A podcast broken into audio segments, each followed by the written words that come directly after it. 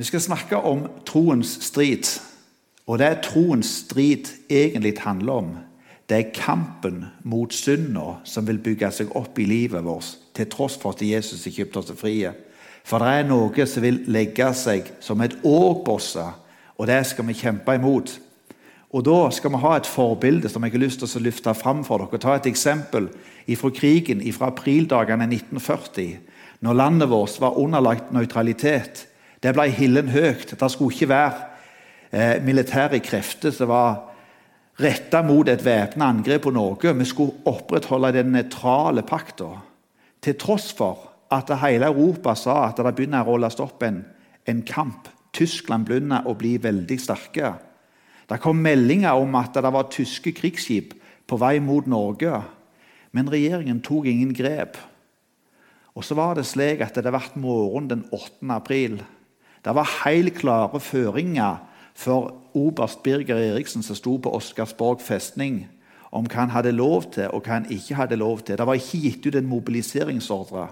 Men i sitt innerste så visste oberst Eriksen hva som skulle til, og hva som var lov, og hva som ikke var lov. Og Et av kravene var at båtene skulle ha meldt sin ankomst. Og de skulle reise med lys på lanternene, slik at du så båtene som kom inn i norsk farvann. Om morgenen, helt alene, så sto han og speida etter en trussel som kom inn forbi Oscarsborg. Han så faren fordi han visste nøyaktig hvor grensen hans gikk. henne. Han visste avstandene, han visste hva som var tillatt og hva som ikke var tillatt.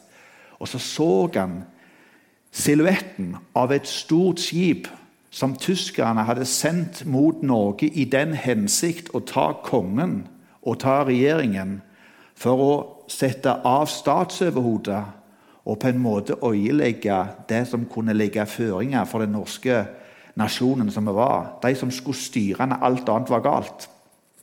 Til tross for at en ikke vet om det er en britisk båt eller en tysk båt, eller samme hva det er, så ser Birger Eriksen at det er en tydelig og klar krenkelse over norsk suverenitet. Og Så klarer jeg å tenke meg inn i den tanken som han står der og tenke at det er flere hundre menn om bord i den båten. Som har familie, som har kone, og som har unger som venter på far hjemme. Men på tross av det så er det noe som betyr mer for Birger Eriksen. Det er stoppe og sørge for at kongen og fedrelandet er sikra. Og så kommanderer han ild. Og så begynner folka som er og tjenestegjør på soldatene, å bli nervøse. Noen spyr. Og så får han et ubehagelig spørsmål. Ja, hva om det ikke er fienden? Og Så reiser Birger Eriksen seg opp, sterk og klar, står framfor alle andre som står og skjelver. Og i sitt innerste så skalv Birger òg. Og så sa han på min kommando ild. Og så senka han Blykjær. Og det var to båter til der som òg retirerte når de så hva som skjedde med Blykjær. Og så kom kongen vår i sikkerhet Regjeringen kom i sikkerhet. Og så var kongen i utlandet. Han klarte å rømme. Han klarte å oppmuntre til frigjøringen av landet. Og så kom han en dag igjen, den 8. mai. På frigjøringsdagen så ble det erklært at kongen skulle komme tilbake. Så skal jeg stoppe der om annen verdenskrig. Men jeg har lyst til å løfte fram to ting av Blykjer. Han kom med sløkte lanterner. Han kom uanmeldt. Og han kom når de minst venta det. For det var så mange i omgivelsene som sa det er ingen fare. Selv når tyskerne drog med flygning over Norge, så tenkte de ja, men det er helt sikkert på øvelsesflygning. Men det var noe som lå på bunnen i hjertet til Birger Eriksen. Så skal jeg være litt personlig med dere. og Det som jeg deler nå, det deler jeg i en hensikt. Det er til å vise dere at det er en frihet fra disse tingene. I 1999 så var jeg nygifta. Jeg var hjemme alene i huset vårt. Det var ingen andre hjemme. Jeg fant fram PC-en, for Internett hadde blitt et allemannseie. Og så tok jeg et Google-søk. Og det som kom opp på skjermen hos meg, det vekte noe i meg som ble en avhengighet i 18 år. Og jeg så det kom inn en båt i mitt farvann. Jeg visste at det var en helt klar krenkelse av min suverenitet over friheten som jeg hadde. Jeg visste at han kom med sløkte lanterner. Omgivelsene rundt hadde sagt at det var ingen fare med det, for det var helt normalt. Men vet du hva? Jeg, set, jeg kommanderte ikke ild. Og resultatet var at kongen min ble tatt. Regjeringen var tatt.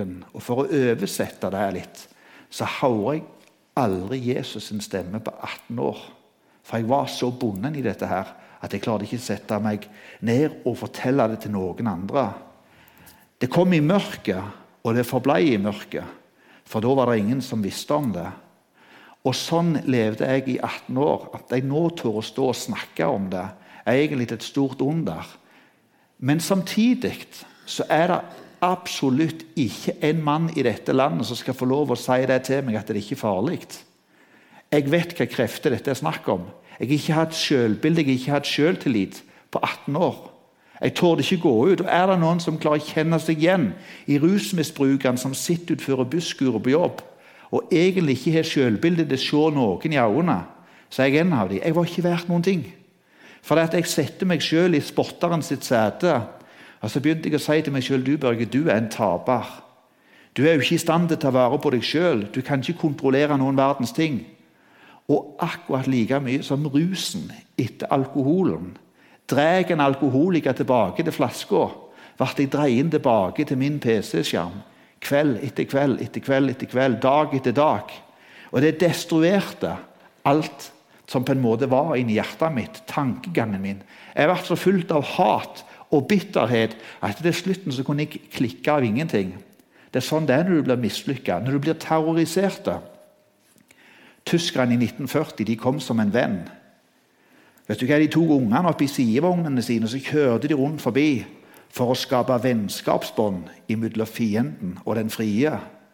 Til slutten så var friheten totalt vekke, og landet vårt var totalt terrorisert. Telavåg-affæren er en fin ting å dra som en sammenligning, bare for å understreke hvordan det var. En hel del ble utsletta pga. noen hadde husa noen motstandsfolk. Det er helt enorme ting, og sånn er det òg med alkohol narkotika, pornografi. Han kommer som en venn.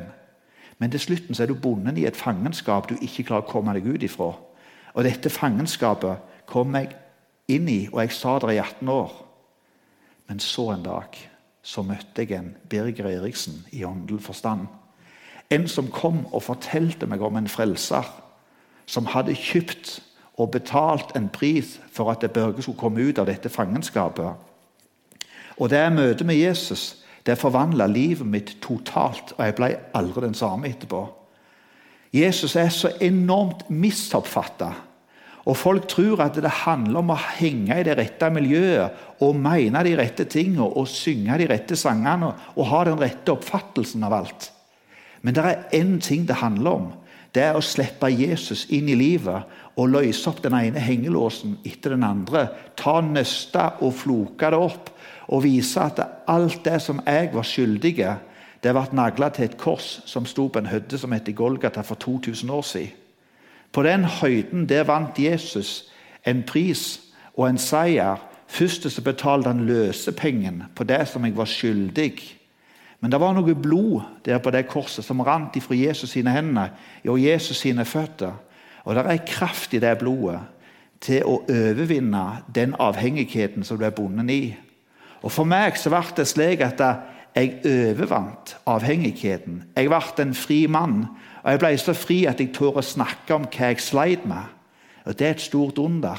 For for 20 år siden så var ikke jeg i stand til å se noen i øynene. Men i dag kan jeg stå framfor en flokk og fortelle at det er nåde å få. Jesus gjort opp for meg, og det er betalt alt sammen. Og Jeg kan få lov å si som kong David sa i, i, i Salme 32 Salig er den som får sine lovbrudd tilgitt og sine synder skjult. Salig er det mennesket som Herren ikke tilregner skyld, som er uten svik i sin ånd. Så lenge jeg tidde, ble mine knokler tæret bort, mens jeg stønnet hele dagen, for dag og natt lå det en hånd tung på meg. Min livssaft svant som i morgenens hete, sommerens hete. Da bekjente jeg min synd for deg og skjulte ikke min skyld. Jeg sa, 'Jeg vil bekjenne mine lovbrudd for Herren', og du tok bort min syndeskyld. Den dagen når jeg fikk sett at det var betalt, at jeg var elska av Jesus, og at jeg var ett av hans sine barn, da gikk jeg til kona mi og så fortalte jeg om problemet mitt. Og så opplevde jeg en tilgivelse som min kone i min heim, som gjorde at min heim ble totalt forvandla. Mitt ekteskap ble totalt lekt, og jeg klarte å leve i seier over disse tingene. Og hvorfor klarer jeg å leve i seier over disse tingene? Jo, for det står i Kolossabrevet 1 vers 13.: For Han har fridd oss ut av mørkets makt og ført oss over i sin elskede Sønns rike. Det er han som er fridd med Gud. Det jeg ikke klarte. Det som var en umulighet for meg, for det var bare et sug tilbake til avhengigheten min. Det klarte Jesus, og det var han som fridde meg ut. Og så tenker jeg som så Hvorfor i all verden var det ikke noen som kom og sa det til meg? Jeg trodde jeg var den eneste mannen på norsk jord som sleit med dette. her. Så jeg tenker jeg, Hvorfor var det ingen som kom og sa noe? Og Så sier Bibelen at vi er kalt til jordens salt for å unngå forråtnelse. Altså det er det vi er kalt til, vi som vil være etterfølgere av Jesus. Han sier det i Matteus 5,13.: Dere er jordens salt, men hvis saltet mister sin kraft, hvordan skal det da bli salt igjen? Det duger ikke lenger, men må kastes ut og tråkkes ned av menneskene. Så kommer vi til det som jeg brenner så vanvittig for. Tal sant og snakk sant om livet. Vær heil ved, som vi sier her på Jæren. Og det, det, ligger meg så enormt på hjertet. Jeg sier det rett ut. Jeg hadde 50 venner før, trodde jeg. Sånn. Jeg trodde jeg hadde 50 venner. Men vet du hva? når jeg møtte Jesus, så går det opp for meg jeg har egentlig bare 48 fantastiske fasader som jeg kan henge med. Og så har jeg to venner som kan snakke sant om livet. Og vet du hva? Jeg deler dette med dere, for det er det noe Jesus elsker, så er det folk som snakker sant om livet. Jesus kan ikke fordra en fasade. For Han kom for å kjøpe de fri fra den fasaden. Når jeg kom til Jesus med korset sin fot, så sa Jesus Børge, hva skal jeg ta for deg? Så sa jeg, kan du ta fasaden, for den er så tung å bære. Det er så tungt å gi uttrykk av å være en annen enn den jeg er. Så vet du, Jesus han tok fasaden og så ga meg en rettferdighetskledning. Og Så dro han den på meg og sa han, Børge, fytti så fin du er. Jeg, jeg har gjenløst deg, jeg har kalt deg med navn. Du er min. Og ikke si til deg sjøl etterpå at du ikke er fin, for jeg har skapt deg til den du er. Og Så fikk jeg se hva verdi jeg er, hva jeg hadde og hva jeg er i Han. Og Så sa han at jeg, jeg har lagt en ny sang i din munn.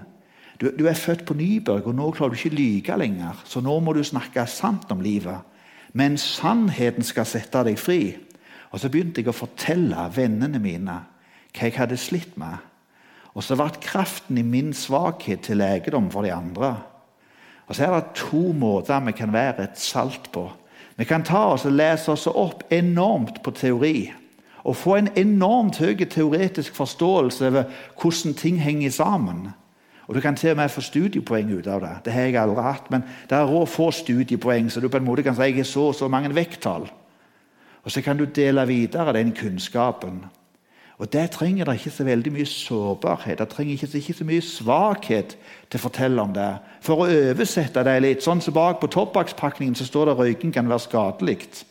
Så vet vi det. Og det er liksom bare å ta de enkle tingene. Narkotika kan være farlig. Det kan være sterkt vanedannende, står det om sånne ting. Hvis det er tabletter osv. Det er den teoretiske lærdommen. Så er det den andre, og det er den levde lærdommen. Og jeg takker Jesus for at Bibelen er full av personer som lever som levde, mener jeg, og som ville lære videre den levde lærdommen. Kong David er for meg et av de største eksemplene. Han var en mann av Guds hjerte. Han sleit med seksualdrifta. Han så kona til Uria var ute og bate på kvelden. Og Så vet vi hvordan det gikk. Lysten kom. Og så lå han med kona til Uria. Og så For å dekke over det så tok han livet av mannen, Uria. Sendte han til fronten. Og Så tenker vi for en hykler. Hvordan går det an at han kan si en mann av Guds hjerte? Jeg skal si deg en ting. Det var han som skrev det jeg leste først til herrene. Så bekjente jeg min syndeskyld. David sleit så seriøst med det han hadde gjort, at det livskrafta forsvant. Og så bekjente han sin synd. Og Det som skjer med Jesus når vi bekjenner synd, og det er derfor den levde lærdommen er så viktig Når vi bekjenner feilene våre, så er det sånn at hans sønns blod den utsletter all synd. Og For å forklare hva utsletta er det, det, er nesten umulig, for det er ikke snakk om å hive noe i en båsdunk. Men i Hiroshima og Nagasaki så slepte de en bombe der den traff ned. Eller På nedslagsfeltet så var det bare helt flatt. Det var ingenting om det som sto der, som var igjen etterpå. Og sånn er det når Gud ser på et menneske som han har kjøpt fri, som Jesus døde i plassen for, så fins det ikke synd i det livet. Og så kunne da Gud si om David at han var en mann av Guds hjerte, for synda var totalt utsletta. Og når det der går opp for deg, da begynner du å snakke sant om livet. For det er jo ikke farlig å snakke om noe som allerede er betalt. Du slipper å sitte og skjelve med den regningen. For regningen er stempla betalt på alt som du har gjort. Og For, for, for den denne levde lærdommen så er det så enormt sjelden det har vært snakket om levd lærdom. Men jeg kan si deg det, det var sånn penicillin ble utvikla. Det var sånn all teknologi ble utvikla. Du så hva som ikke fungerte, og så delte du det med de andre. Så fant du til slutt noe som fungerte. Og så begynte vi å drenere og dyrke jorda vår på det som vi fikk til, og så gikk verden framover. Og Sånn var det når jeg gikk i lære som elektriker. Så skulle jeg lære å klamre oal kabel på veggen, åpent. Så vet du, Jeg tok kabelen og rullet ut på gulvet. Han lå som ei fjør bortigjennom på gulvet. Og Så gikk jeg i lære hos en kar. Og Han der som jeg gikk i lære hos, han var sånn som kunne denne kombinasjonen av teoretisk lærdom og levd lærdom. Og Han der mesteren der som jeg gikk, han heter Arnfinn. Det er et av mine største forbilder. Han gjorde sånn som Jesus. Han bødde seg ned, og så ble han et menneskelik. Og I plassen for å stå sånn og si å herlighet, Børge, du kan jo ikke gjøre sånn som så det der, det der har du jo lært på skolen. Så tok Arnfinn og rullet de sammen hele kvelden igjen. Kvelden, og Så sa han Børge jeg skal vise deg hvordan du gjør, for jeg òg gjorde den feilen. Og Så rullet han ut kabelen bort på gulvet. Og Så viste han meg med å bøye seg ned til meg så at jeg kunne få innta den levde lærdommen som han hadde gjort. Og så var det sånn De som sliter med alkohol, narkotika, pornografi Vet du hva? Jeg kunne stande du, som en from mann. Som en skikkelig from mann. Det er farlig å se på porno. Det er skadelig for både deg og kona og ungene. Du må slutte med det der. Ser du ikke hva det er øyeleggebølger når du drikker sånn hele veien? Ser du ikke hva det gjør med familien din når du, er, når du er, bruker narkotika? Det er jo ingen hjelp i en sånn teoretisk lærdom. Men skal jeg si hva det er hjelp i? Det er når det kommer en legen som kan dele av sitt levde liv, og kan verte til hjelp for andre og bøye seg ned. Og Jeg glemmer aldri den mannen som sto fram sammen med fem av ungene sine. Og Så forteller han hvordan faren sleit med akkurat det samme som jeg sleit med. Den mannen er grunnen til at jeg kan stå her i dag.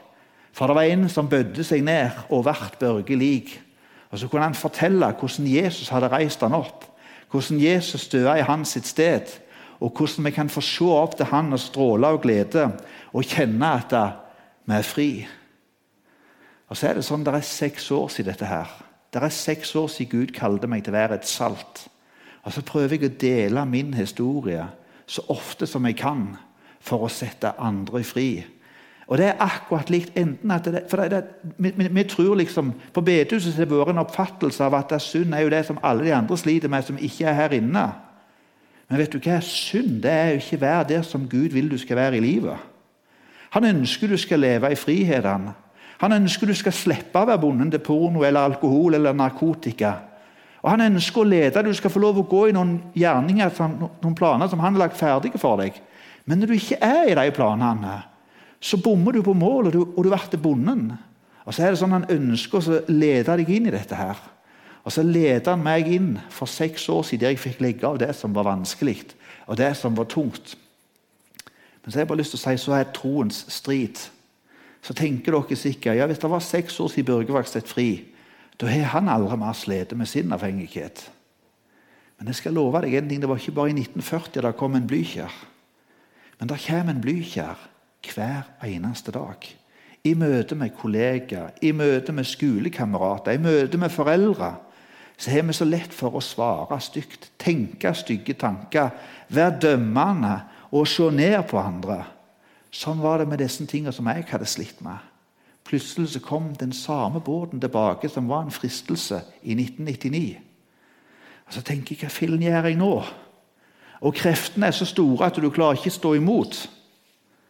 Da kunne jeg få lov til å gå fram og så kunne jeg få gjøre som oberst Birger Eriksen. Jeg kunne få lov til å kommandere ild, og måten jeg kommanderte ild på, det har jeg lyst til å dele med dere. Jeg kjente lysten var så stor til å gjøre det som jeg hadde gjort i så mange år at jeg klarte ikke å stå imot. Og, og dere som kjenner på det der, dere vet hva krefter dette er. Så kommer jeg hjem fra en nattevakt. Det kommer som regel når du er svak, når du er trøtt, når du er ete lite, sover lite. ikke sant? Hatt det litt sånn turbulent. Da kom lysten. Så tenker jeg skal jeg bare ta oss og leve i mørket nå. Bare ikke si det til noen. Så kommer den stemmen i at du trenger ikke si det til noen. Børge. Bare, bare, bare ti stilt nå. så Gjør som folk flest. Det er jo ingen som holder på å snakke sånn som du. Bare, bare roe ned nå, så går dette her bra.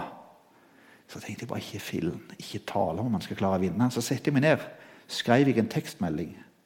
Og så sendte jeg den ut til tre av mine nærmeste venner. At nå må dere be, for lysten er så stor. Jeg skal love dere én ting. når det er at det har vært sendt ei bønn fra en etterfølger av Jesus opp til den himmelske hovedredningssentralen. Da ble det himmelske Royal Air Force sett på vingene. Og Han gir sine engler befaling om å gå og fri de ut. Og når jeg hadde trykt på send, så var det i lufta, og det var vekke. Og lysten var vekke til å gjøre det galne. Og Derfor var det noen andre som kunne få være et salt inn i mitt liv. Unngå forråtnelse. For det er ikke lenge før det bygger seg opp igjen hvis du ikke hele veien holder på å leve i lyset. Og Det skal vi snakke mer om etter pausen. Men husk det. Det er den teoretiske lærdommen vi helst vil dele for da kan vi rose oss litt i oss sjøl og fortelle du vet, jeg har vært på hjertefokus. Jeg kan dette. her. Jeg skal fortelle dere hvordan det fungerer, dere som ikke får det til. Da kan vi rose oss. Det er dritfarlig. Men hvis vi kan fortelle om våre feil for å løfte de andre opp, da kan vi få erfare det som Bibelen sier, at det er kraften den fullendes i skrøpelighet. Og Det var pga. at jeg ikke fikk det til, at Jesus kunne få det til i mitt liv. Og det var der jeg ikke fiksa det. Jesus fiksa det. Og så er det bare sånn Mange sier det, du Børge. Sånn, det, du er så vanvittig begeistra for Jesus. Du, du det, det, er liksom, det, er noe over ditt liv som gjør at du, du går til stadighet og smiler, og du får tårer i øynene bare du snakker om å få se Jesus. Så kan jeg bare si det til deg, jeg har ikke noe annet enn Jesus. Det er bare Jesus jeg har. Og den gleden som han ga meg, den vil jeg ikke bytte for noe i verden. Uansett. De kan ta alt ifra meg. Det betyr ingenting. Jobben betydde ikke noe. Det var ikke noe karriere etterpå. Det var liksom ikke et jag etter å vinne noe lenger. Det er én ting jeg har lyst til. Det er at det er meg og deg og dere som sitter og dere som hører på radioen, en dag skal få møtes hjemme hos Jesus og få se ham akkurat sånn som han er. få se naglemarkene hans og sitte til bords. Og gå ifra det å være barn til en dag være gift med han som har gitt alt for oss alle sammen. Jesus, velsign det som jeg har sagt nå. La det bli til legedom. La folk få se at både porno, alkohol, narkotika, baktalelse, misunnelse, bitterhet Alle disse syndene som vi ikke klarer å sette ord på, som er så bundet i sjøl, de kom du for å sette seg fri ifra. Og Så ber jeg om at du utruster oss til å være et salt i verden, som kan opptre og på en måte unngå at ditt rike ble forråtna, Jesus. Jeg bare ber deg om at dette ble gjeldende i livene våre. Amen.